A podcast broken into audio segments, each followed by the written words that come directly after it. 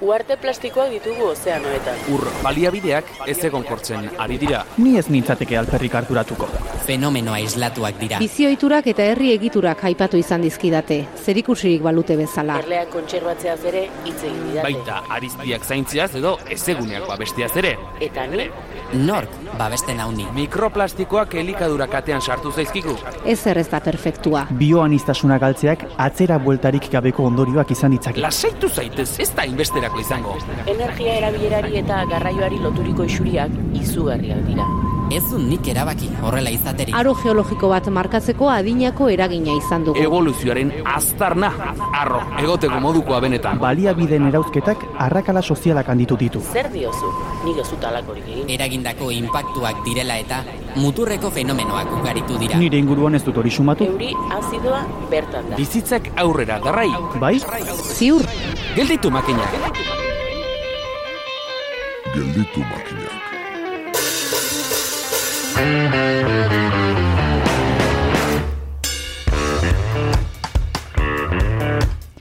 Titular ikaragarria zabaldu da azken asteotan. Autokanibalismoa praktikatzen duen espezie berri bat erregistratu da.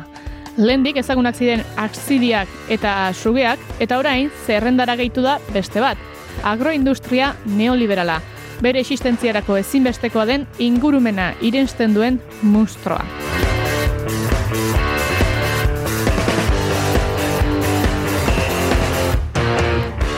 Alternatibak ekarriz jardun gintezke, baina zer den zeren alternatiba galdetzea bada zertzen lehenago. Oioa edo arraultza galdetzearen parekoa. Utopien herri bira dakarkigu Euskal Herrian abian den jolas, eh, solasaldi zikloa. Otsailaren hogeita seira bitarte munduko zenbait txekotako lurraren defentsan dabiltzan eragile eta kazetariak izango baitira tertulian.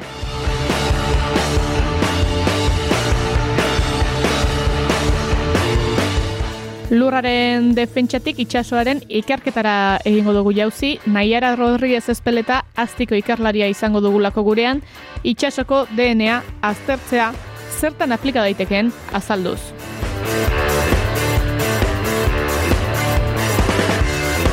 Saioaren ondarrean berri, zientzialari pilula dosia, ganix esnaolak, klima aldaketak energia berreztagarrien sorkuntzan izango duen eragina izango du aipagai. Gure saioari denbora geronek jateagatik autokanibalen zerrendan sartu baino lehen, astera doa, gelitu makinak saioaren laugarren denboraldeko hogeita bat garren atala.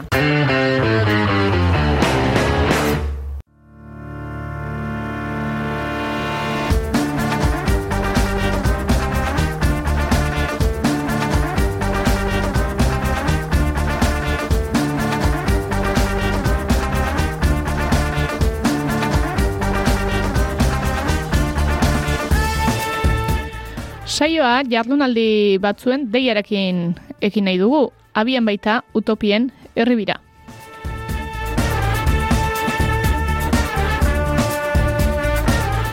Lurraren eta lurraldearen defentsan antolatutako baserretarrak, feministak, komunikatzaileak, komunitate indigenak eta emakumeak Euskal Herrian dira otxailaren amabostetik hogeita soira bitartean utopien herri biraren baitan.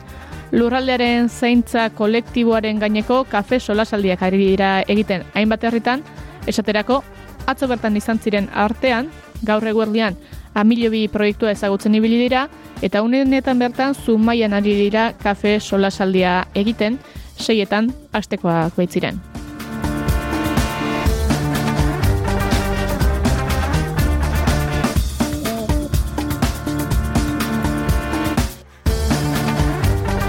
Herri gehiago ere badira, eh? Hornani, Durangaldea, Salzedo eta Zeberio tartean gehiago ere badauden arlen, solasaldi guztiak sareak ehunduz abjaialako eta Euskal Herriko emakumen eta kolektiboen arteko elkarrezketak lurraren, lurraldearen eta zaintza kolektiboaren defentsarako izenpean izango dira.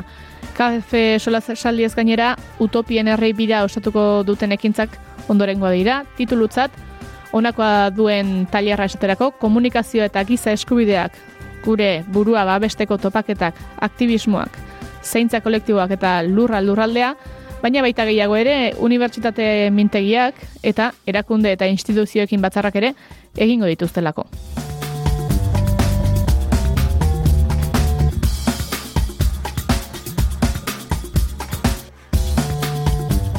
Astebete honetan, lurraren babesean dabiltzan eragileak eta komunikatzaileak izango ditugu beraz gurean. Nondik etorriak eta Guatemalatik, Mexikotik, Hondurastik, Kolombiatik eta Nikaraguatik etorriak.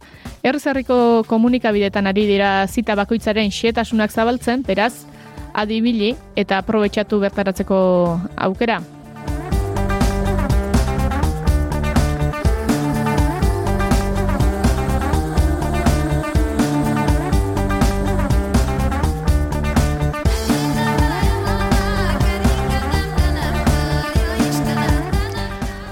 Zumeiako zuzeneko konexiorik ez dugunez, itxasorako bidea hartuko dugun, Naiara Rodriguez espeletarekin solasaldi ederra dugulako zain. Bere alaxea doz.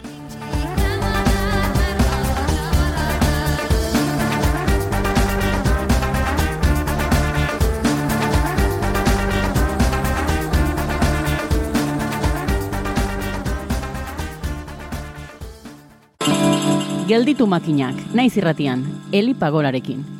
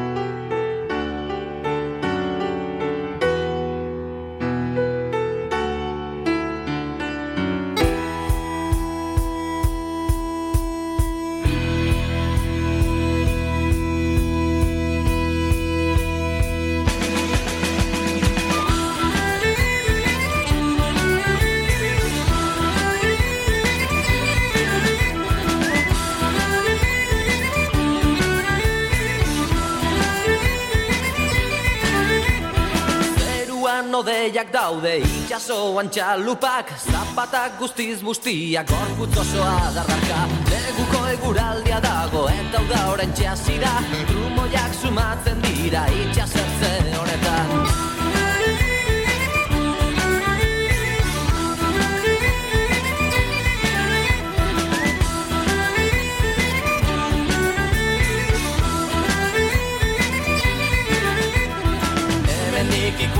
zaitut etortzen zaren moduan Beldurra ematen didaz ikusten zaitu danean. Hemenik ikusten zaitut etortzen zaren moduan Beldurra ematen didaz ikusten zaitu danean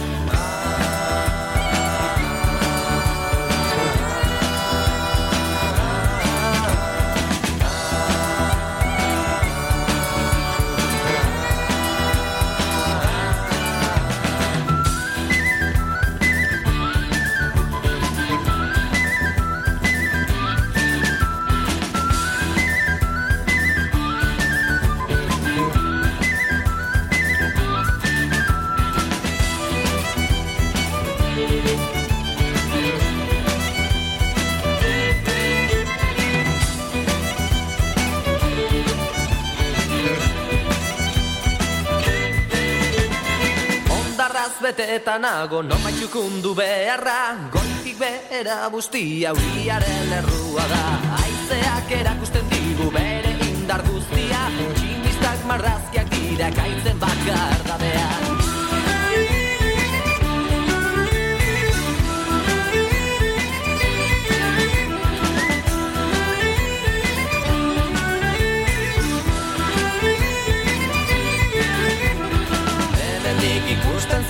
etortzen zaren moduan Beldurra ematen didaz ikusten zaitu danean Hemendik ikusten zaitut etortzen zaren moduan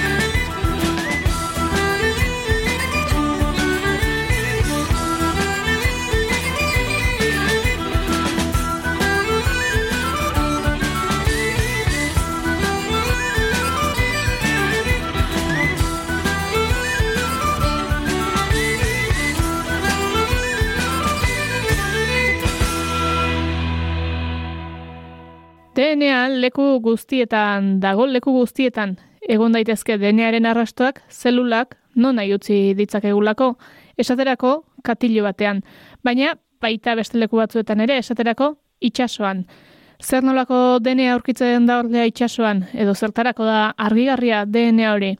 Gai interesgarria da, informazio genetikoarena, eta ez hori bakarrik itxas bizitzaren katalogaziorako eta horri dagozkion neurriak hartzeko erraminta baliagarria izan daiteke.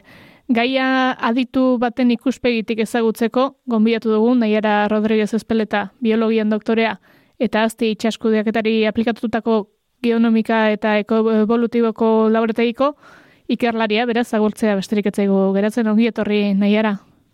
Ezkerrik asko.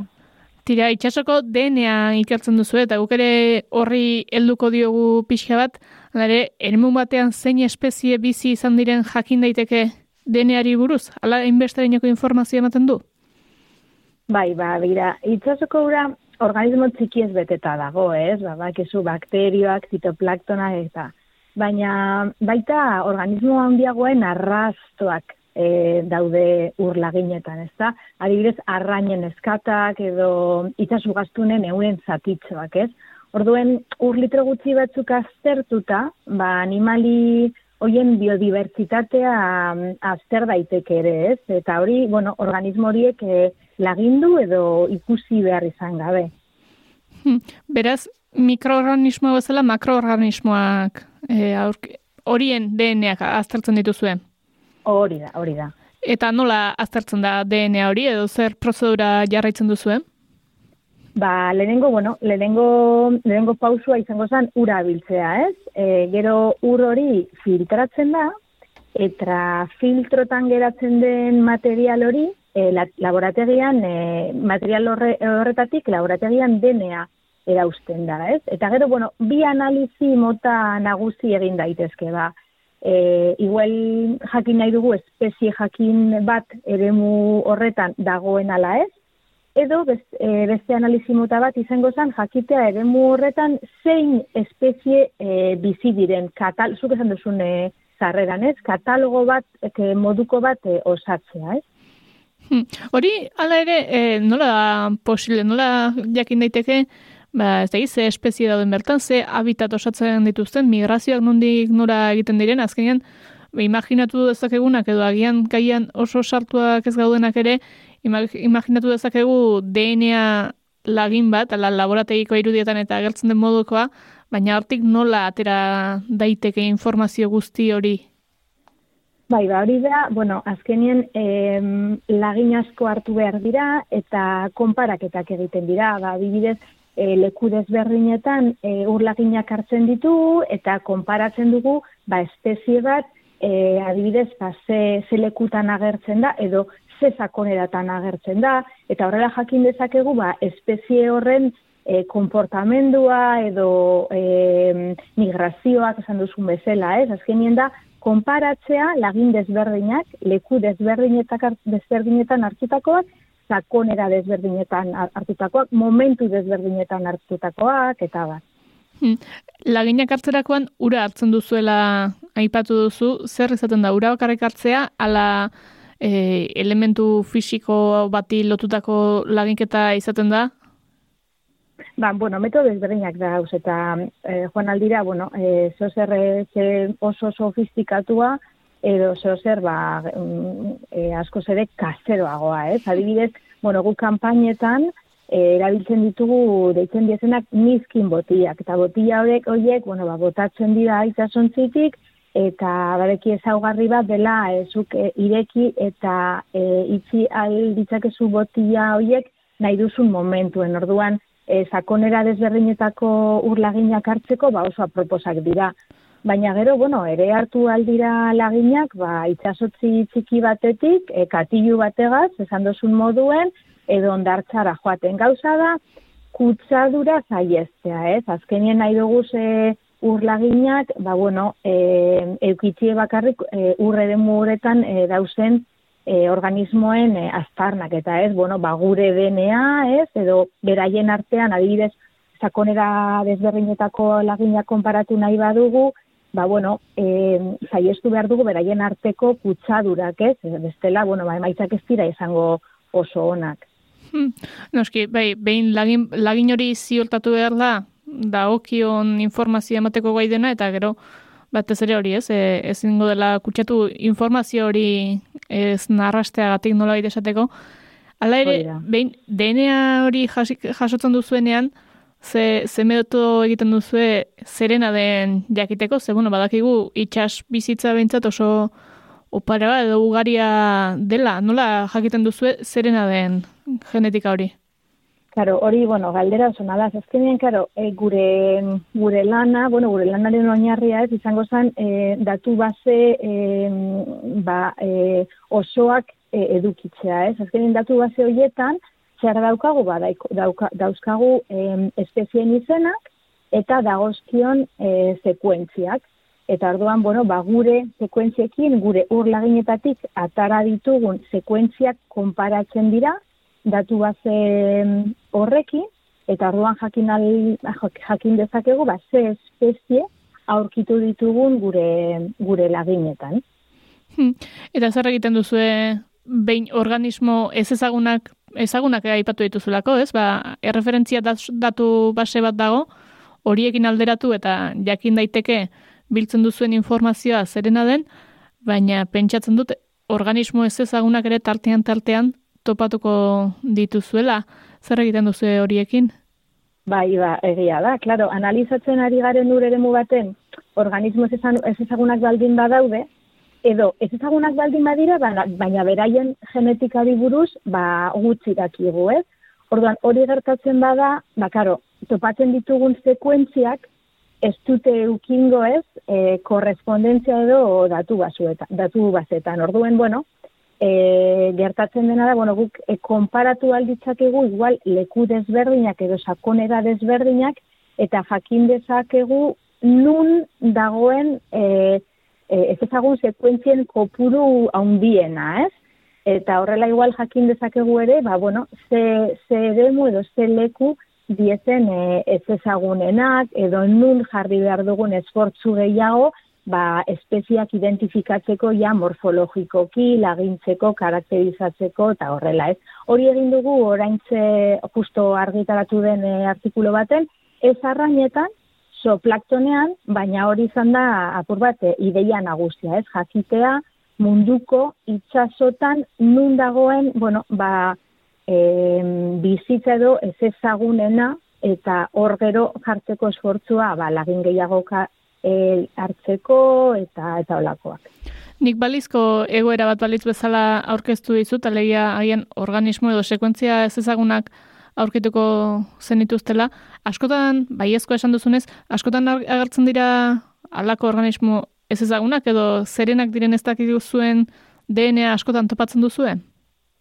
A ber, eh, egia da gure gure kanpainetan normalien, bueno, ba Bizkaiko kolkoan izaten dira eta gure fokoa diez arrainak. Orduan arraroa da e, topatzea zeo zer ez ezaguna egia da, e, izan daitekela espezie baten barruen e, aukialdugu e, bueno, populazio desberdinak e, edo olakoak, ez? Orduan, bueno, gure sekuentzia igual ez da agertzen e, datu bazetan, baina mm, sekuentzia bat dela apur bat e, bueno, ez, ez e, justo, justo sekuentzia bera, baina diferentzia bate, bategaz edo, ez hori gertatu daiteke. Baina e, e, e, beste ikerketa batzuetan, e, egon gara ikertzen e, bueno, munduko urlaginak, ez, ozean desberdin laginak, eta adibidez bai indikoan, ba, e, organismo ez ezagunak e, asko, eta sakonera, e, sakonera eta handietako urlaginetan, ba, ere, aipatu zerrorka, aipatu dituzu arrainak eta egia da, orain arte agian pixka bat DNA orokorki hartuta eta eta bueno, itxasoko be arrasto ezari ginela izketan, baina hartuko dugu jarraian arrainetan zentratuko gara zuen ikerketa adarretako bat badelako eta hori xebera galtu nahi zut, zergatik da garrantzitsua edo ze garrantzia dauka arrainen genetika ezagutzeak? Bueno, arrainen eh, genetikari buruz gehiago ulertza ba, gauza askotarako balio du, ez? Bueno, evoluzioari buruzko ikerketak egiteko gehiago jakiteko, ez? Hori e, beti. Gero bai, bueno, gaixotasunak gehiago ulertzeko e, gizakiaren gaixotasunak ere, eh, badaude arrain modeloak, ez? Ekuk erabiltzen dituguna, ba, analizi molekularrak egiteko eta kutsadurari buruzko informazioa e, lortzeko ede, badaude e, aplikazio bide bat. Gure kasuen, azkin egiten dugun e, lanan, ba, arrain kudeaketari dagokionez, ba, arrainen konektibitatea e, ezagutu nahi dugu, eta ingurumenaren aldaketei egokitzeko gar, gaitasuna gaita, edekien gaitasuna, ez? E, hori da guretzako arrainen genetikan e, bi aplikazio nagusiak. Hmm. Arrainen, e, konektibitatea aipatu duzu, itxasuan badago horren arriskurik edo arazorik, e, badakigu erreketan eta askotan aipatzen da, bueno, apresak eta eteten dutela konektibitate hori, itxaso zabalean imaginatzeko agian zailtxeagoa da alakorik dagoenik, badago konektibitatea arazorik izaten da itxasuan ere? E, ez, ez daude arazoak, e, arazoa ez da e, zat, erreketan adibidezen moduen, ez? E, zatitzen ari garela eremua, ez? Ba, e, barrerak edo jartzen. Gauza, gure kasuen da, e, ezagutu behar dugula jakiteko espezie baten zenbat populazio dauden. Eta, eta zerraitik da hori, zezkenien kudeak eta egiten da e, taldeka. Ez da egiten, e, kudeak eta ez da egiten espezie osorako baizik eta taldetan. Eta talde horiek bazentzu bat euki behar dute. Eta gure kasuen, bueno, ba, da begiratzi ia talde horiek genetikoki zentzua daukaten, konektatuta dausen ala ez dausen, ez? Eta, bueno, ba, genetikoki zentzua duten ala ez, horixe urrengo galdera, ea, espezie batetik bestera asko aldatu daiteken genetika, egia da, itxuraz eta arrainak aski desberdinak direla kantauri itxasuan, baina genetikoki ere hain desberdinak dira? Bueno, azkenien e, desberdintasuna hori erlatiboa da, eh? E, gauza da, bai, desberdinak dira, e, desberdin dut daitezke genetikoki, eta gainera genetikak, bueno, lagindu, e, lagundu aldigu e, antzekoak diezen espeziak, ba, bere adibidez, ba, sapo zuria eta sapo beltza, ez? Naiko antzekoak dira, espadio zabaltzen e, barrukoa ikusteko, de, dekiela, bueno, kolore desberdinan, eh, kolori desberdinak ezabatzen dozunien, ba ez dira bereizten oso ondo orduen genetikoki bereiztu aldira. Baina e, gure guretzako garrantzitsua dena hemen da espezie baten barruen dagoen desberdintasuna. Espezie, e, espezie baten e, individuak ez dira e, danak e, berdin berdinak e, genetikoki ez diferentziak dauz. Eta hori da guretzako garrantzitsua dena, konektibitatea aztertzeko. Xapoa aipatu duzu eta horre e, txurien da beltzen artean ulertu dizuedanagatik eta ikerketak eta irakurreta horien artean nasketak ere agertzen ari omen dira, ezta? Bai, e, zapo zuria eta beltzaren artean hibridoak e, ikusi ditugu, eta gainera ez daude gutxi, eh? leku batzuetan ba, euneko hogeia edo gehiago izan daitezke hibridoak. Eta bueno, hor gauz aztertzen horrek, bueno, ba, ze implikazio edo, edo zer esan gura duen, ez?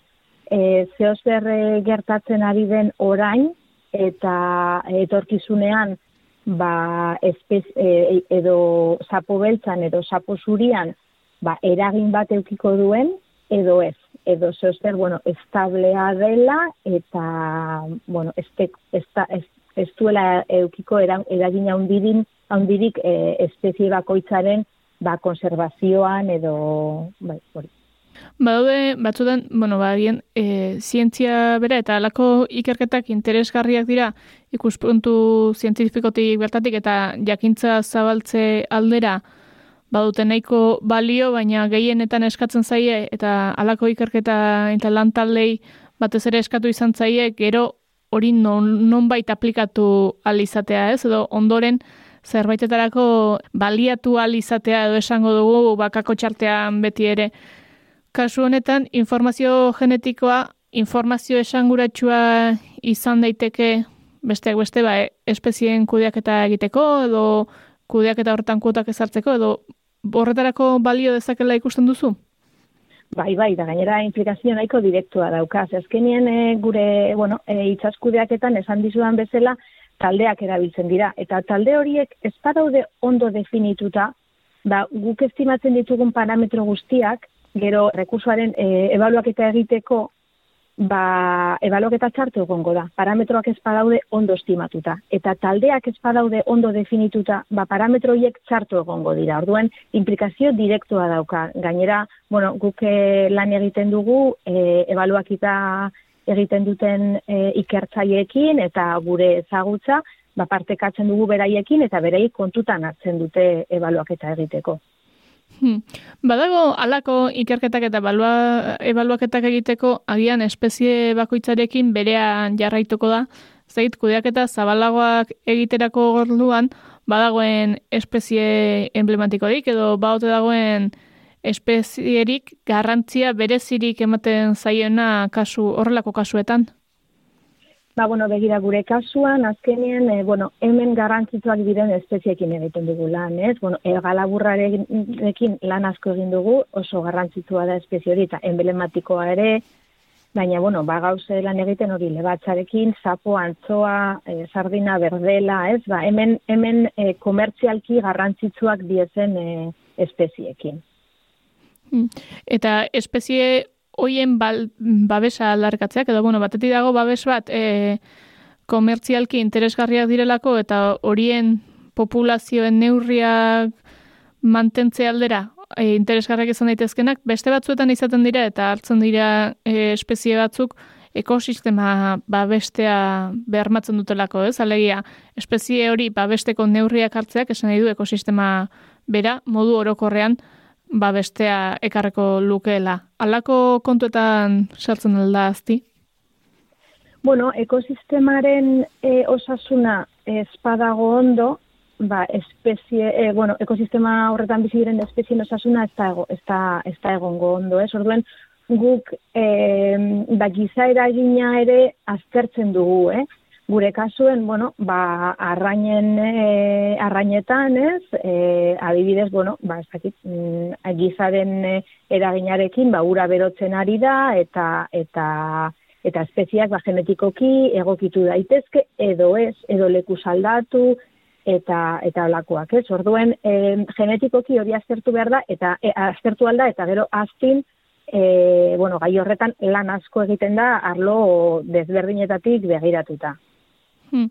Eraldak eta genetikoa zere galdetu nahi dizut, izan ere, bueno, azken aldian eta gero eta gehiago entzuten da, bueno, eraldak eta genetikoa bi adarre da izan entzazke, ez? Batzuetan eta agian abeltzantzan eta e, animaliekin lan egiten dutenetan ere, egiten da, bueno, bizidunekin batez ere, eraldak eta genetikoa edo bobekuntza genetikoa egiten da, ez? Nahi diren ezaugarriak lortzeko e, ba, alde batzuk edo beste batzuko bestean dira. Arrainetan ere egiten da alakorik, eraldaketa genetikorik egiten da? Naita egiten da e, agrikultura arloan, ez? Azkenien, bueno, ba, espeziesuk esan duzun be, bezala, ez? Osa, espeziak, bueno, esaugarri, guri interesatzen zaizkigun e, esaugarri e, batzuk e, dituztenak. Baina naturan hori gertatzen da, gertatzen da naturalki, ez? Azkenien espeziak, bueno, egokitzen dira, ez? adibidez, bueno, lehen esan dudan bezala, ez? Ura berotzen baldin bada, ba, bueno, espezie batek ze aukera du, bueno, ba, iparralderantz jo, ez? E, urre hotzak bilatzen, edo, e, bueno, ba, genetikoki egokituta dauzen e, individuak, ba, hobeto egongo dira, hori, e, egokituta egongo dira, eta gehiago mugalduko dira, ume gehiago eukiko, eukiko dituzte, orduen, e, azkenien e, horrek egingo dau, ba, geneti, ezaugarri genetiko batzuk, ba, gero eta ugariagoak egotea espezie horretan, eta orduan ordeko guia egokitzapen genetiko bat e, gertatzen dena, ba, hori naturalki, ez? Guk egiten dugun moduen e, artifizialki da kulturan eta, baina naturan hori gertatzen da. Denbora gehiago behar du, eta ez da beti e, ondo irtetzen, baina e, gertatzen da. Bai, eta naturan gertatzen den eraldaketa genetiko hori espeziaren biziraupenerako ona izan daiteke, naiz eta agian gizakion intereserako ezaugarriak bete ez. Eta genetika zari garela eta hemen ari garela espezien artean zer antzegotasun eta desberdintasun dauden, heltzen gara puntu batera non izaki bizidun guztiok oinarri genetiko bera konpartitzen dugun. Nola ekartzen da hori gaur egunera, gizakiok eta arrainok zer konpartitzen dugu genetikoki? E, azkenien, e, bueno, e, lurran e, bizi garen e, izaki guztiok, ba, arbaso komun batetatik egatoz, ez? Orduen, e, azkenien gu gure DNA, e, organismo guztien DNA, e, a ber, ez da berdina, baina oso antzekoa da. Azkenien, evoluzioaren bitartez, DNA hori joen da aldatzen, baina ez da oraindik ikusi daiteke e, arbaso aman komun horren e, e, trazak edo, ez? Azkenien dana, bueno, familia gara, ez? Oso, oso urrutiko familia, baina izaki guztiak hori bale bat eta bakterio bat ba, arbaso komun hori daukate, ez? Gero, bada beste kontu bat e, agian giza ikuspegitik eta joera dugula ikertzean gu kanpo ustekoa ez, eta itxasoko DNA ikertzerako orduan, itxasoko DNA bakarrik zentratzea, ez da bertan giza eragina antzematen den egun e, itxasoko genetika horretan, alegia, bueno, haien industrializazio garaitik aurrera ere, eman diren e, jardueren ondorioak ikusten diren itxasoko genetika horretan. Bai, ba hori, bueno, badago arlo apur bat berria den bat, dala e, sedimentuak analizatzea, ez? Antzinako e, laginak azkenien, ez? Eta hori da, bueno, sedimentuak hartu eta sedimentu koreak deitzen dira, eta hor, bueno, ba, geruza desberdinak e, ba, e, izango ziren ba, e, momentu desberdinak, ez? Orduen, e, geruza hoiek, sedimentu hoien geruza hoiek analizatzen, ba, ikusi alda a, zelan aldatu den ekosistema bat ba, urteekin, ez? Hmm. Alako ikerketei dagokionez, e, biozean bost de proiektuan ere bazabiltzatela irakorri dugu, e, zertan oinarretzen da Europa mailako proiektu hau? Bueno, oso proiektu handia da, ez? E, sozio askorekin, eta azkenien da, bueno, baitzazio diversitatea bi bost e, dimentziotan e, begiratzea, ez? Ardien, bueno, izango ziren e, hiru dimentsio espazialak, laugarrena izango zan denbora eta gero e, bosgarrena izango zan bakitzakiaren e, eragina, ez? Eta eta hori, bueno, e, hainbest, hainbat arlo desberdinak e, partea hartzen duten, osea, iker, e, ikertzaia arlo desberdinetako ikertzaileak Baina proiektuaren igual ekintza nagusi bat izen da ba, Europako e, kostaldetik hainbat lagina hartzea, ez? Eta hori, bueno, egin dute itsaso batekin e, Europako kostaldea zeharkatzen, kamioi batekin e, hartzen, bueno, e, lurreko laginak eta eta bueno, azkenien hortik ba lagin asko e, hartu dira eta datu asko e, hartu al izango dira e, analizatzen e, direnien, ez? Bai, guri Ikerketatik edo harreta deitu digun kontu bat izan da, Bizkaia katalogatu dela puntu garrantzitsutzat. Bueno, Bilbo agertzen da, baina Bizkaiari daukiona dela diozuezuek. E, zergatik da puntu garrantzitsua Bizkaia? Bueno, ba, a ber, e, proiektu honetan, esan dizudan bezala hori, Europako kostaldetik, ba, hainbat e, lagin eta hainbat pututatik e, laginak e, hartzen, hartzen e, dituzte. Eta, bueno, beraiek definitu dituzte puntu batzuk, e, garrantzitsu bat, ez super zait deitzen diote. Ez da bakarrik e, bizka, bueno, bizkaiek azkenien hartu e, egon dira Bilbon eta urdai bai e, urdai baitik ere, orduan, bueno, horregaitik e, izendatu dugu mm. bizkaia, ez, gure kasuan. Eta ez da bakarri bizkaia, eh, badauz beste batzuk, baina, bueno, bizkaia da bat. Eta orduen zer gaitik, ba, bueno, hemen azkenien datu asko dauzelako, ez, e, ja hartuta, eta, eta hemen, bueno, ba, egon dira denbora asko eta leku desberdinetatik e, laginak e, hartu dituzte. Eta sedimentuak, sedimenteko koreak, lehen e, esan duguna ere e, hartu ditugu hemen. Honi da, paleosedimentuetan dagoen ingurumeneko DNA ikertu omen da. Lene nahiko lan hartu duzu esplikatzen guri nola ikertzen den itxasoko DNA, orain esplikatu beharko diguzu ea paleosedimentu batetik nola, nola hartu daiteken DNA? Bai, ba, hori da, bueno, e, karo guk, e, bueno, nerroiaren e, itzazadarra aukeratu genuen, ez? E, eta, eta hartu genuen hori, ez sedimento kore batzuk, ez? Kore horiek diez, bueno, saltzitza modukoak azkenien, eh? Hartzen dira, holan, e, bai, lurretik bera, eta hartzen dira saltzitza modukoak. Eta gero, ba, saltzitza horietatik, ba, lontzak, ez? E, gerusako lan, mm. ataratzen dira. Eta, ge, e, e, lontza bakoitzetatik edo gerutza bakoitzetatik, ba, DNA erausten da, eta analizatzen da, lehen, lehen azaldu dudan moduen. Eta e, espezialista bat lortu aldugu, eta berdin, berdin. Baina hori izango zen, bueno, ba, DNA e, oraingoa ez, baina oin dela, ba, eun urtekoa edo laro gehi urtekoa ez.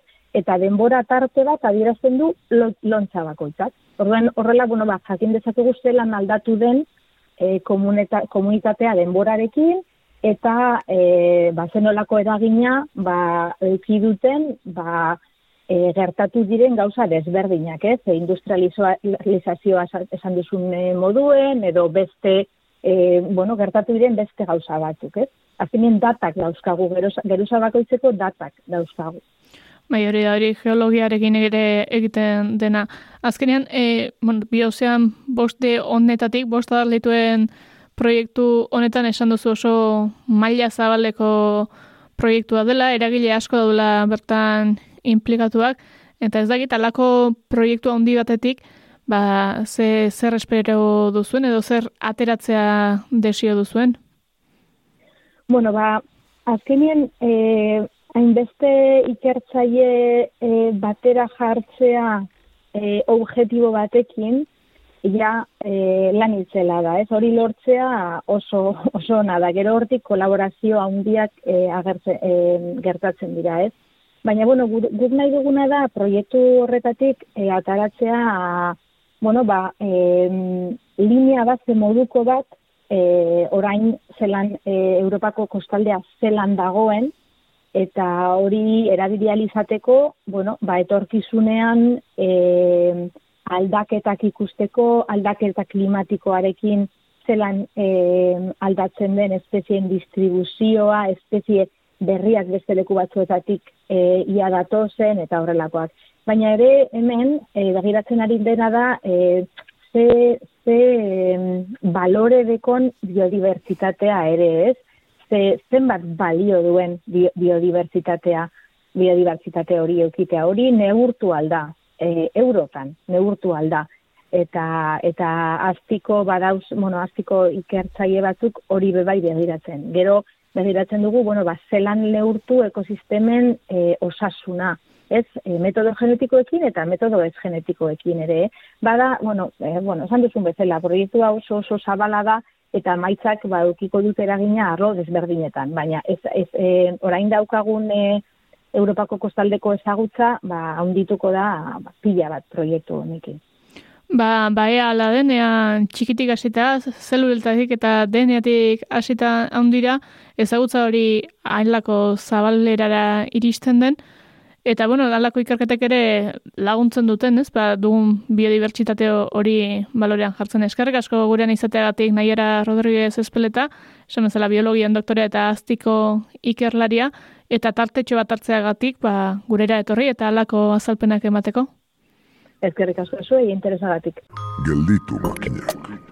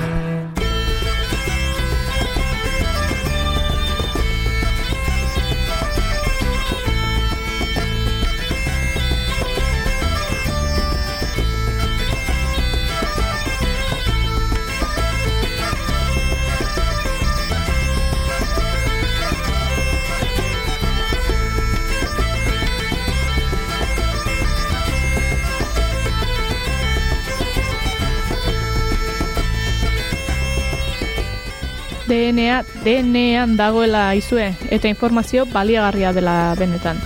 Presaka ez, baina pixkorrantzera bagoa zientzialari atalera, ganix esnaolak klima aldaketa eta energia berriztagarriak lotu ditu eta.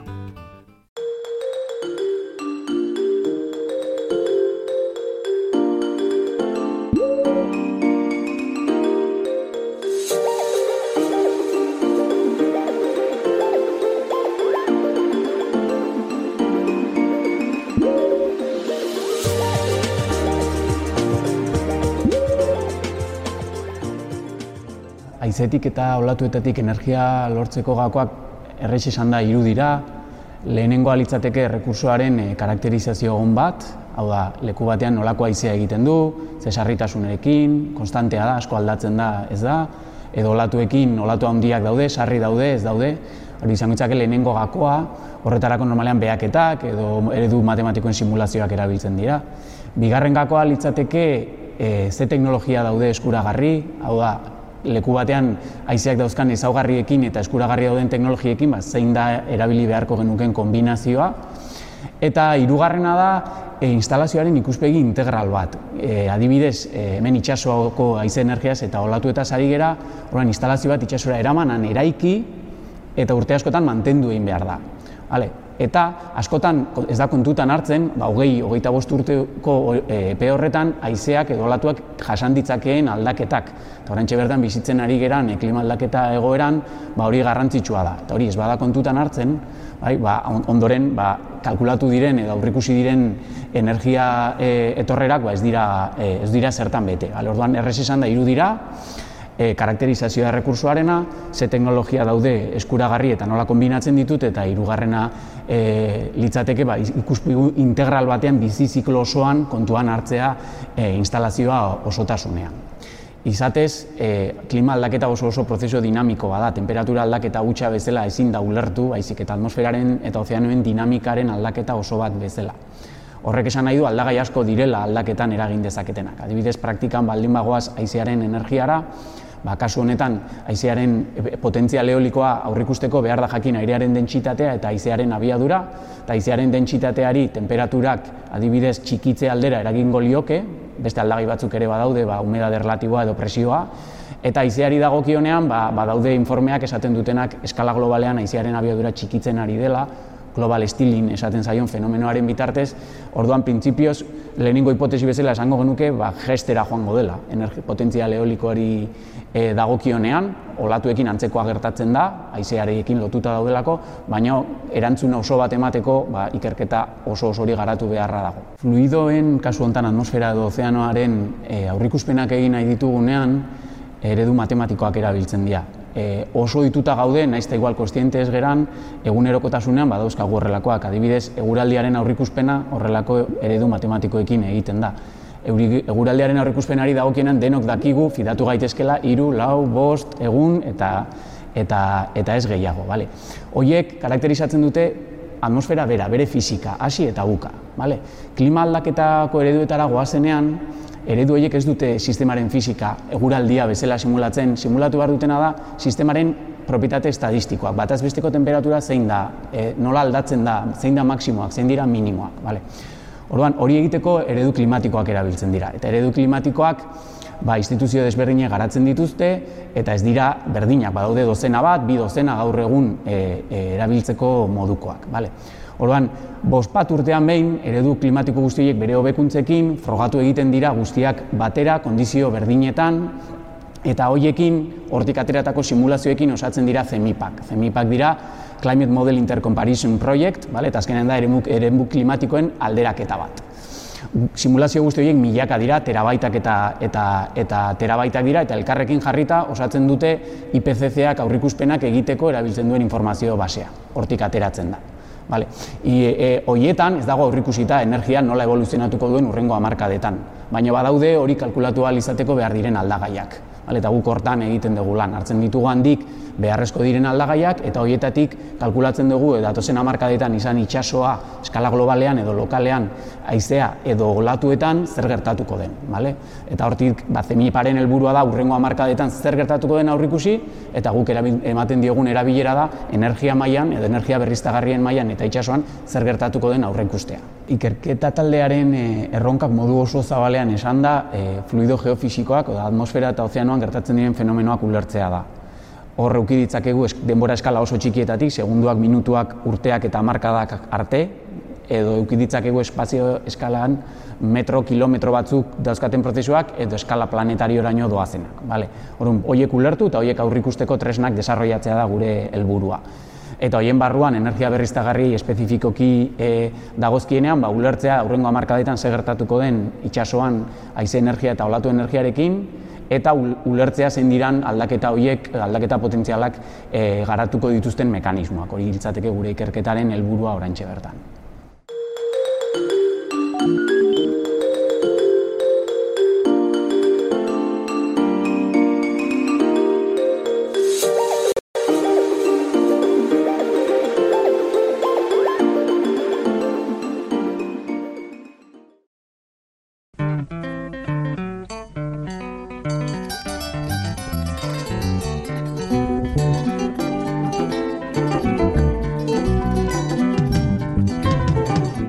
Ba, entzule, bat eta beste, gaurko ere egin dugu ba. Ongi eta tentu zibili, eta luze gabe, elkartuko garelakoan. Aio, ongi izan, urrengo gelitzen makinak saio arte.